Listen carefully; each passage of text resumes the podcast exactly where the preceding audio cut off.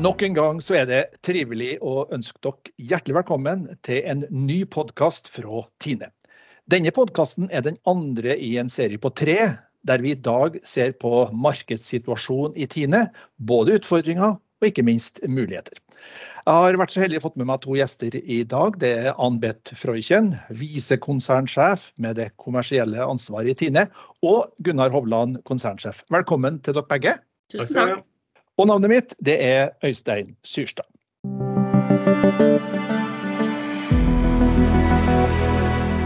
Ja, Ann-Beth, før vi dykker ned i markedssituasjonen. Du er jo relativt fersk da i Tine, og det er sikkert mange som ikke kjenner deg, i hvert fall av våre eiere.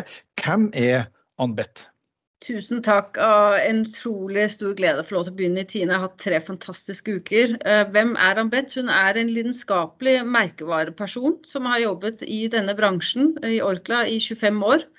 Eh, men også jobbet utenfor Norge med hele verdikjeder. Jeg har dyp, dyp respekt for hva det krever å få alt til å henge sammen hver dag. Men samtidig elsker jeg å da få til alt dette til å gå opp i en høyere enhet med våre fantastiske merkevarer og vår fantastiske verdikjede. Og så elsker jeg å få til vekst og virkelig levere på det forbrukeren eh, ønsker av oss. Det høres bra ut. Og du har et nært og godt forhold til Dageros? Absolutt. Vi er en stor meierifamilie. Vi er faktisk, eh, som alle så på videoen, seks stykker under samme tak. Og spiser storkonsumenter av eh, både ost og yoghurt og melk. Jeg må faktisk begrense melkeinntaket, for jeg klarer ikke å løpe så fort i butikken som jeg trenger for å fylle på. Ja, du, du, du flirer du, Gunnar, og det kan vel kanskje være grunn til det. for eh, Da er kanskje ikke Anbet helt typisk for, for, situasjonen i Norge i dag. For da har vi jo sett at uh, melkekonsumet har, har, gått ned. Men, men, hvis vi skal utvide perspektivet litt nå, hva er liksom nå-situasjonen for, for, Tine i, i markedet i, i, det store bildet, Gunnar Hovland? I det store bildet så har vi en veldig sterk posisjon ute hos forbruker. Vi har Norges sterkeste merkevare både på ost og yoghurt og melk og sånne ting. Så vi har en veldig god posisjon i utgangspunktet. En sterk posisjon også hos kundene våre med at uh, vi ligger og blir i hvert fall kunne rate oss veldig høyt på samarbeidet som vi har fått over de siste åra. Så både merkevaren ute hos forbruker og relasjonen til kunden er veldig sterk. Men samtidig så må vi bare erkjenne at konkurransen naturligvis, som i alle andre sektorer, den er sterk og den er økende. Både fra sterke, gode og dyktige nasjonale konkurrenter, og ikke minst at importen øker på alle segmentene som vi egentlig er med på i, i handel i dag. Da. Så vi må sørge for at vi blir litt bedre i morgen enn i dag. Skal vi på en måte holde tritt med de andre. Og helst skal vi være betydelig bedre enn konkurrentene våre. både på forbrukerinnsikten og på kundeinnsikten, sånn at vi liksom tilbyr den beste løsningen på meierisektoren i Norge. Det er det som jobber vår framover, tenker jeg. Vi må altså bli bedre i morgen enn hva vi er i dag. og Da tenker jeg litt Anbeth, at eh, Flasketutten peker litt på deg, for du har jo fått ansvaret med å, å utvikle vår, vår, kommersielle kraft. Og hva slags verktøy har du med deg nå når du kommer inn i Tine, og som, som skal bidra til at vi blir bedre i, i tida framover, eller hva vi har vært? Nei, Det er mange faktorer. Jeg har bare lyst til å ta litt videre det Gunnar også nevner, det med konkurranse. Uh, ja, det kan eh, være litt plagsomt til tider, men eh, konkurranse er også med å skjerpe sansene våre. Det har jeg lyst til å virkelig påpeke. Det skjerper sansene våre, sånn som vi skal være frempå og foran i skoene. Og hele tiden prøve å være først eh, ut med det forbruker ønsker seg. Det krever at vi er ganske tett på forbrukerkartet. Jeg pleier å si vi skal by opp forbruker til dans. Vi skal skjønne hvordan vi skal gjøre oss mest mulig attraktive og hele tiden være frempå. Og det er klart, det er jo den store verktøykassen egentlig, når vi driver med et eh, fremtidsrettet merkevareselskap som gjør det vi holder på med. Vi betyr så mye for så mange hver dag. Og vi har så mange spisesituasjoner der hvor Tines fantastiske merker er veldig relevante. Og Der må vi være tett på. Vi må forstå akkurat når forbruker forventer å finne oss, og med hva slags type produkter. Og så må de jo møte oss i alle flater de beveger seg i. Om det er på skolen, eller om det er på kantinen, eller om det er når de er ute og kjører bil, eller om det er på butikken og skal handle til middag, osv. osv. Det er jo det vi skal være gode på. Vi skal forstå forbruker, og vi skal tenke at det er litt morsomt med konkurranse. Sånn som vi faktisk skjerper sansene. Men hva er det da som, som kjennetegner endringsmønster hos forbrukerne eh, i dag? Ja, hvis vi ser på et forbrukerdøgn uh, av vi som jobber med mat, da, uh, hvis vi ser på et forbrukerdøgn, hvordan det har utviklet seg over de siste tiårene, så er det en veldig stor endring i måten man både spiser mat på, når man spiser mat, og hva slags type måltider vi spiser. Det er det ene. Så den liksom klassiske tre store måltidene har plutselig blitt kanskje seks småmåltider. Eller at man er mer ute på farten, eller at man eh, ønsker seg større matopplevelser hvis man er på et hotell, eller hvis man er Husk på jobben. Man syns jo plutselig kantinen skal være et trekkplaster. Det er jo litt nytt, da. Så, så, jeg vil si måltidsdøgnet vårt har blitt ganske forandret over de siste tiårene. Og det skal vi ta ordentlig inn over oss og være sikre på at vi er eh, den foretrukne partneren. Både for forbrukere og kunder i de situasjonene. Det er det ene. Og så er jo spillereglene endret. Eh, knyttet til både ernæring, sunnhet, kosthold, men ikke minst bærekraft. Altså, vi skal nå levere på noe annet enn bare gode merkevarer til rett tid, til rett pris, til rett kvalitet. Vi skal begynne å levere ganske på hele historien og alle de utrolig viktige fasettene. Og bærekraft gikk jo fra å være en sånn interessant historie å fortelle, til nå å være et absolutt krav for å både bli valgt og preferert. At vi faktisk eh, leverer, og ikke bare snakker om, men også er etterrettelig å levere på bærekraft du skal by opp til dans, sier du. Men hvem er det som dirigerer, og hvem er det som sitter i det orkesteret? Nei, altså vi må dirigere fordi vi må forstå hvordan det orkesteret samspiller. ikke sant? Hvordan, hvordan, jobber våre kunder for å tilfredsstille disse forbrukerne? Eh, hva, hva ønsker de av samarbeidspartnere oss? Skal vi lage menyer, konsepter? Skal vi eh, jobbe med ernæringsprofiler? Eh, skal vi lage sunne mellommåltider som man lett kan plukke med seg på bensinstasjonen når man er ute og kjører, osv. Eh, osv. Så, så, så vi, vi må på en måte samspille for å levere på de behovene som er der ute. Og Da må vi tenke Tines viktigste virkemidler, og det er jo merkevarene våre og vår verdikjede. Vår fantastiske produktkvalitet. Og så må vi levere det på en konkurransedyktig måte hver dag og på den måten som forbruker ønsker at vi skal levere på. Er kjeden i dag interessert i å være med i, i den felles, kall det gjerne dugnaden, som, som Anbeth her skisserer? Definitivt. Jeg tror kundene iallfall er primært opptatt av å skape lønnsom vekst i sine respektive kanaler og butikker. Da. Og Det er den aktøren som på en måte har beste kundeinnsikten og beste forbrukerinnsikten som kan være med på den dansen som Anbeth snakker om, sånn at dansen med, også med kundene våre blir riktig eller vi er blant den beste aktøren til å, til å skape verdien i de segmentene som vi er til stede i. Så det er også vi som blir valgt til å være med på den dansen der. Og Vi har allerede nå et veldig tett samarbeid med kundene på de kategoriene vi er til stede i. Og får veldig god tilbakemelding også på måten vi samhandler med kundene på, på utviklingen av både Tine og kundene sine, sine hyller. da. Ja, Apropos dette med forbrukerinnsikt. Dere nevner jo begge det at det er veldig viktig å forstå både kundene og, og forbrukerne. Men hvordan er Tines kompetanse i dag i nettopp det å forstå disse to gruppene? Uh, nei, altså jeg, kommer, jeg opplever jeg kommer til Tine som har uh, veldig høy kompetanse. Uh, har jobbet mange mange år. Dette er en lang historikk med bygging av sterke merkevarer og dype kunderelasjoner. Så jeg, jeg, opplever jeg kommer til et veldig kompetansetungt og masse, masse dyktige mennesker i Tine. Eh, det jeg tror vi må bli litt flinkere på, er å bli litt raskere på foten. Eh, flytte litt beslutninger nedover eh, i avdelingene våre. Og så tror jeg vi må prøve å være litt nysgjerrige på hverandre. Fordi det sitter utrolig mye innsikt, som du snakker om, på tvers. Av og til så tenker jeg oh, tenk om naboen hadde snakket med naboen. Da hadde du kanskje fått oppdaget en ny mulighet. Så jeg håper virkelig den nysgjerrigheten er noe vi kan tenne nå, da. Tenk på det, folkens. Vi er til stede hos 5,3 millioner nordmenn eh, daglig. Sant? Eh, med produktene våre i, i fem-seks spisesituasjoner for dagen. Sant? Klart, når vi kan jobbe på tvers av alle de plassene som de 5,3 millioner beveger seg på, med alle merkevarene våre i alle kanalene våre, så har vi et potensial der som vi nok kan tjene på så vi jobber enda bedre og tettere sammen på å ta ut potensial på. det. Uh, og Det er akkurat derfor vi også har samla de kommersielle ressursene inn til én uh, hovedansvarlig som er Ambet. Sånn at vi skal se den totaliteten, kan du si, sånn at vi betjener markedet vårt på en best mulig måte kan du si, med de merkevarene vi har.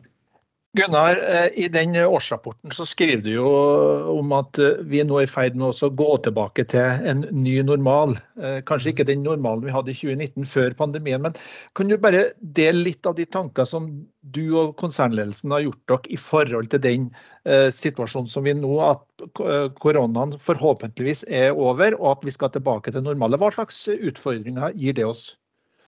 Altså, Den første har jo melkeprosenten allerede merka, fordi vi har jo satt ned forholdstallet fra 107 til 99. Sant? Det er jo, en, det er jo trent den volumdelen som på en måte var eh, kan si, koronarelatert til at vi hadde mindre importer. Så vi ser jo det at importtallene våre kommer til å gå opp igjen, sant? og grensehandelen er tilbake på samme nivå ganske fort. Og Det spiser jo volumet av eh, melkeprodusenten og anleggene våre, sånn, som igjen står inn på kostnadene våre. Så det er en utfordring vi møter ganske umiddelbart, tenker jeg. Men uh, den andre delen av nye normalen er nok uh, den som ligger mer i hånda til Anbeth, kan man si. For hvordan blir egentlig hverdagen til forbrukeren nå i fortsettelsen? Nå har det vært hjemmekontor, sant? og folk har sittet og spist og hatt kjøleskapet som sin kanal for lunsjen. Eh, og så vet vi at eh, det kommer til å bli ganske mange andre løsninger og fleksibiliteter som eh, forbrukeren kommer til å sitte oppe i de ulike kundene. Sant? Med at Du får hybridkontorer, du får folk som har hjemmekontor kanskje en to-tre dager i uken sant? og på kontor andre dager i uken. Bare det å lage til konsepter som passer til den nye, nye situasjonen som forbrukeren beveger seg i, er jo noe som vi må jobbe mer med. tenker jeg, og Få innsikt i hva skjer her. sant, og Hvordan skal vi være relevante i alle disse nye spisesituasjonene som nå kommer til å dukke opp kan si, i fortsettelsen i en ny normal, da, eksempelvis. Vi vet jo også at pris er en viktig faktor når eh, forbrukerne skal velge varer. og Det gjelder jo også oss også i, i Tine. Hva gjør Tine for å tilby lavest mulig pris, da, Gunnar? Nei, vi, Målet vårt er ikke å tilby lavest mulig pris. Målet vårt er å være konkurransedyktig ute i markedet på det som tilbys på våre merkevarer. Og så jobber vi jo kontinuerlig kan du si, med effektivisering av verdikjeden vår for at vi til enhver tid skal på en måte være konkurransedyktige. Så Konkurransekraftprosjektet har snart tatt ut en milliard av kostnader kan du si, verdikjeden for at vi skal være konkurransedyktige på det som vi tilbyr forbrukeren og til kjedene. Og tilsvarende kunne levere et, et, et riktig si, melkepris og et overskudd tilbake til våre eiere. Så det er på en måte den delen av det. Og så Når det gjelder prising generelt, da, så tror jeg vi også bør være bevisste på at vi priser jo våre varer ut til våre kunder. Det er ikke vi som setter sluttprisen ut til, til, til, i butikken. Det er kundene sjøl som gjør, naturligvis. Vi har ikke påvirkningskraft på det. Det bestemmer kunden sjøl 100% bare så det også er sagt tydelig. da. Tine har en, har en strategi Gunnar, fram til 2025. Hva tenker du er Tine-eiernes viktigste bidrag til å nå de målene som ligger i strategien? Altså, for det første så er det naturligvis å produsere den, eh, altså melk av samme høye kvaliteten som vi har i dag, kan si, det volumet vi trenger. Det er jo det primære vi trenger. Men eh, det er heller ikke tvil om at det er en sånn grunnleggende hygienefaktor kan du si, da, blitt hos oss. At eh, vi jobber seriøst og troverdig med bærekraft også ute på gårdsbrukene. Det er ekstremt viktig for oss. Fordi at eh, Vi må levere på det for i å vinne kontrakter framover. Det andre som er grunnleggende viktig for oss, er på dyrevelferd og dyrehelse at vi der også bare ser debatten som pågår nå rundt kylling, hvis det følger med i avisene, sånn, så ser du at uh, den debatten som går mellom Rema og Coop nå på kylling, sånn, det er bare forsmaken på det vi kan oppleve på veldig mange ting, hvis ikke vi har helt rent mjøl i posen sånn, og orden i eget hus når det gjelder de to temaene bærekraft og dyrevelferd. Uh, så det må vi på en måte si at I tillegg til liter med melk, så må vi være 100% sikre på at vi jobber seriøst og riktig og langsiktig med å levere på planene våre på de, de temaene der, tenker jeg. Og Det har vel betydning også bl.a. For, for vår kommersiell drift i forhold til bl.a. lånebetingelser. sånt at Bankene stiller krav om at vi må ha orden i huset vårt, også på de områdene du nå nevnte. Ja, så det er så enkelt som at Hvis ikke vi leverer på planene våre på bærekraft, også ute på gårdsbruket, at vi tar i bruk klimakalkulatoren, vi tar i bruk dyrevelferdsindikatoren og får dokumentert at vi har framgang, så vil vi få dyrere finansiering i Tine. Hvis vi leverer på planene våre, så får vi billigere finansiering og ser på anbudene som Ambet skal ut og vinne, f.eks., så vil det komme i situasjoner der hun kommer til å bli delista på anbudet hvis ikke vi leverer på de kravene som de som vi skal selge varene våre til, setter til oss. En annen ting som sikkert lurer på, og som jeg vet eierne våre er opptatt av, og det er å få fram nye produkter, innovasjon. Hvordan ser f.eks. du Anbeth, på balansegangen mellom det å styrke salget av de eksisterende produktene, kontra å, å jobbe enda mer med ny innovasjon? Det er jo egentlig tilbake til hva er innovasjon. Altså, det er jo ikke noe tvil om at det er kjernen, de store, virkelig enkeltstående posisjonene, som er jo på en måte det vi får inn eh, mest mulig penger fra. Og det skal være med å finansiere også nye vekstmuligheter. Så det er jo kjempeviktig å lykkes på Norvega eller lykkes på mm, ekstra lettmelk osv. for å ha faktisk finansiering til å jobbe med liksom det vi kaller helt sånn nybrottsinnovasjon. Men for meg er innovasjon egentlig todelt. Det er å dekke helt nye vekstmuligheter. Altså finne de forbrukerlommene som ikke vi dekker i dag, eller uh, vi kunne dekket bedre enn konkurrentene. Uh, Yt var kanskje den store sånn, hva skal jeg si, et godt eksempel på hvor man virkelig tok et steg inn i et helt nytt segment uh, som Tine ikke var til stede i før. Ellers er jo innovasjon også for meg å hele tiden jobbe med kjerneporteføljen vår. og Jobbe hele tiden forbedre, jobbe med bærekraft. Litt, litt, sunnere, litt mindre fett, litt mindre sukker. Og hele tiden forbedre kjernen. Og det er også innovasjon. For det er liksom ikke falle av lasset eller sovne i timen. Så det er klart når vi tilbyr nå eh, Jarlsberg f.eks. som er lettere, så er jo det, eller Novega som er lettere, så er det viktige tilbud i forhold til det jeg driver med det jeg kaller innovasjon. Da, og hele tiden jobbe med forbedring av kjernen. Så innovasjon er jo et ganske vidt begrep, da. Men jeg håper jo også vi finner eh, nye lommer. Jeg syns jo Gryr er modig, men utrolig spennende. Og det kan vi ikke putte under en stol, at det er en ganske stor trend som vi har alt å tjene på å være med på å bygge på og ta vår andel av veksten. For de av dere som stussa litt nå på Gry, så er det da den nye havredrikken vår som er produsert på norsk havre. og Det er også en del av dette med bærekraftsaspektet, Gunnar? Når vi baserer oss på norsk havre, så er det jo eh, altså, Da gjør vi litt av samme som vi ligger til visjonen vår på andre ting også. At vi sammen da skaper et levende Norge også for de som faktisk driver med havre. og Laget en robust plattform på det framover på, på plantebasert. da. Og så For å bygge et videre på arbeidsserie, så er på en måte, Hvis du ser på det plantebaserte, så er egentlig ikke det, det, det er ikke noe nytt at vi driver med det. Vi har drevet plantebasert siden 1969. Da starta vi med jus.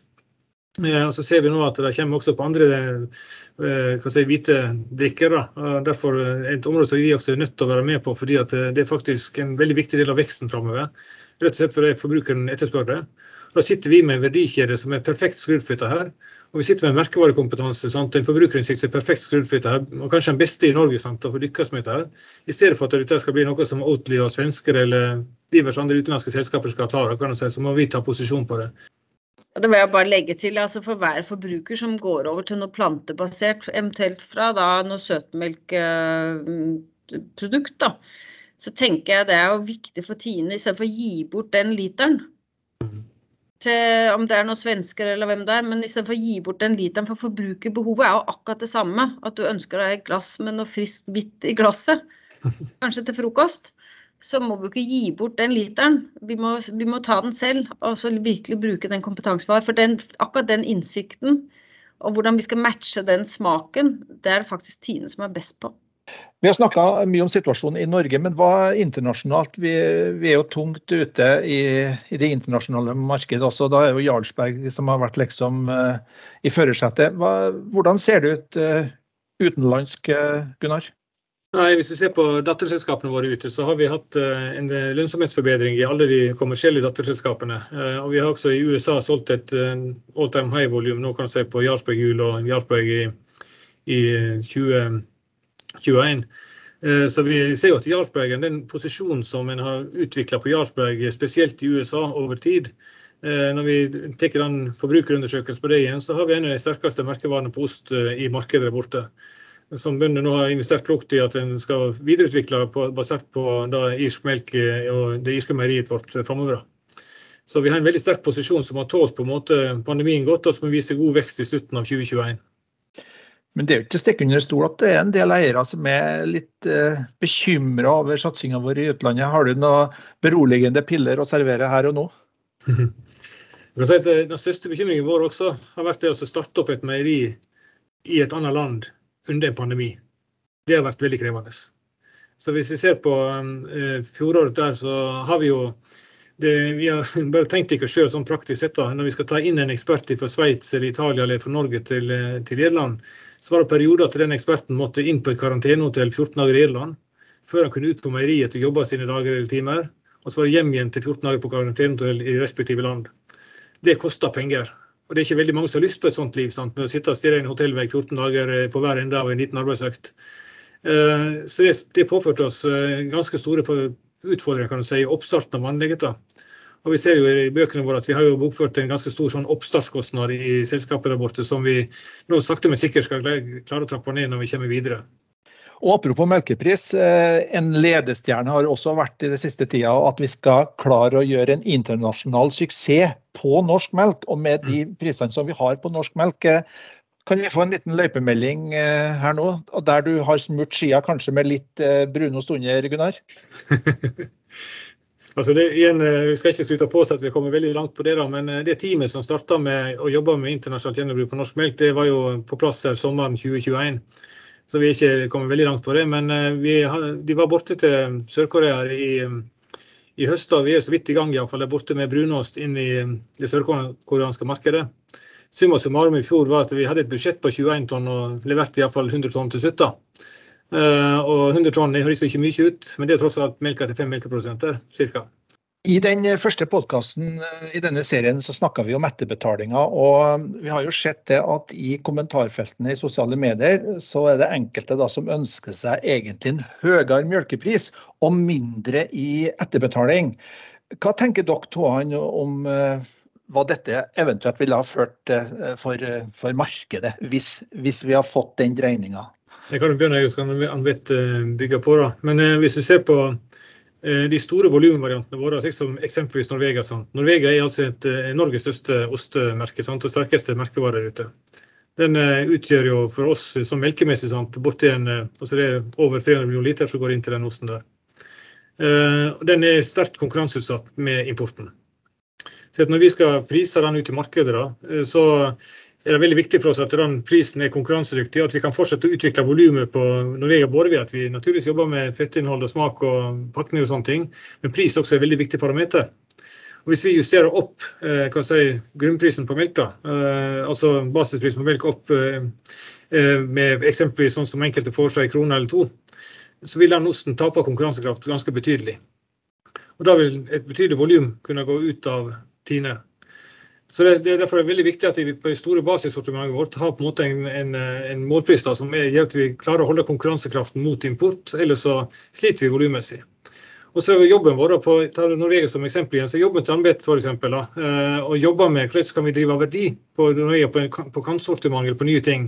Eksempelvis når vi modner Norvegia, så vet vi at femårsmodna Norvegia det er jo kåret til Norges beste ost. Fikk jo NM-prisen her, sant. Den må nødvendigvis koste ganske mye mer volumet på den Norvegia femårsosten det er ganske lite foreløpig. Og Jobben med å utvikle det volumet og skape verdi på det, det, det skaper et overskudd så vi kan ta inn etter, etterbetalingen.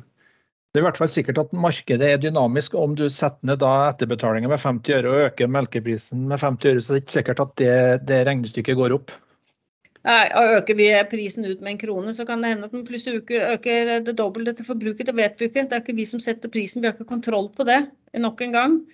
Uh, og så er det bedre heller kanskje å jobbe med det vi vet vi har kontroll på. Uh, og også sikre volumet som er viktig for oss. Da. Vi skal snart begynne å gå inn for landing her, men hvis dere skal komme med et overordna budskap til eierne i Tine nå i forhold til marked og markedsutvikling i åra som kommer, hva, hva skulle det hovedbudskapet da være? Kan jeg starte med deg, Gunnar? Jobben vår sånn at vi gjør alt vi kan vi, hver dag for å optimalisere og maksimalisere på en måte den brøken som går på volum ganger pris. Eh, og Det er det vi gjør også nå med at vi for å få den maksimalt ut av eierne, så tar vi og står sammen nå drift og logistikk til én en enhet for å ta inn for en mest mulig konkurransekraftig verdikjede som forsyner Sand, og sånn sett kunne være verdens mest effektive verdikjede for melk i Norge for, å, for våre eiere. Og tilsvarende på kommersielle områder, hvordan kan vi på en måte få mest mulig ut av de kommersielle ressursene våre for å ta en best mulig verdi hjem til eierne der også. Det er det vi jobber med. Og så svaret etter end of the day, sant, den handler jo veldig mye om vi får gjort den jobben godt nok, alle parter. da. Så Vi sitter ikke her nå og kan si at uh, i 2025 så ser det sånn eller sånn ut, for uh, spåmann er tror ikke jeg skal begi meg ut på å være. Men uh, vi skal gjøre alt vi kan for at eierne skal få mest mulig verdi og flest mulig liter ut av de verdiene som skal renne gjennom Tine. Da kan jeg komme med et tilleggsønske. Det her trenger vi alle å gå i takt og hjelpe hverandre. Men bærekraft altså Jeg kan ikke få påpekt det godt nok, for vi kjenner det på kroppen når forbruker skal velge oss. Når forbrukerne skal lete etter nye muligheter når kundene skal gi oss anbud og kontrakter. Når vi skal levere da regnskapet på alle mulige dimensjoner, så er bærekraft og hele den hva skal jeg si, etterretteligheten, alle de fakta vi skal samle, alt det vi kan bevise. At Tine må være best i klassen innenfor, vår, innenfor våre kategorier på bærekraft. Og vi må kunne dokumentere alt det gode arbeidet vi gjør og klare å omsette det til noe vi kan fortelle stolt ut i markedet. Men der trenger vi dere alle sammen, hver av en, til å både dokumentere fakta, og vi får levert det inn og vi oversetter det til en god historie. Jeg tror det er helt vesentlig. altså Uten det så, så, så vil vår fremtidige posisjon være ansett som mindre uh, aktuell. Det er bare ekstremt viktig. bedt deg opp til slutt. Altså. Og den jobben starta jo ute på jordet med måten vi dyrka gresset på, til det at vi har levert varen til, til eller, der egentlig forbrukere har brukt varen vår, og emballasjen er gjenbrukt. Så det gjelder hele verdikjeden vår. Og mm. vi må starte som sagt ute på jordet. Og Derfor er det en veldig eh, tydelig beskjed for oss i forhold til eieren også på det området. Så det er, det er ikke valgfag i hele tatt. Det er pensum for oss å levere på det, rett og slett. Og det får være en passende avslutning på, på denne podkasten. Takk til, til dere to, Ann-Beth Frøyken og Gunnar Hovland, for at dere setter av tid til å, være med i denne podkasten. Og så skal jeg da minne om neste podkast i denne serien, som handler om Tines innspill til jordbruksforhandlingene, inklusive målprisen. Og da blir det spennende tider til vårs. Vi høres igjen.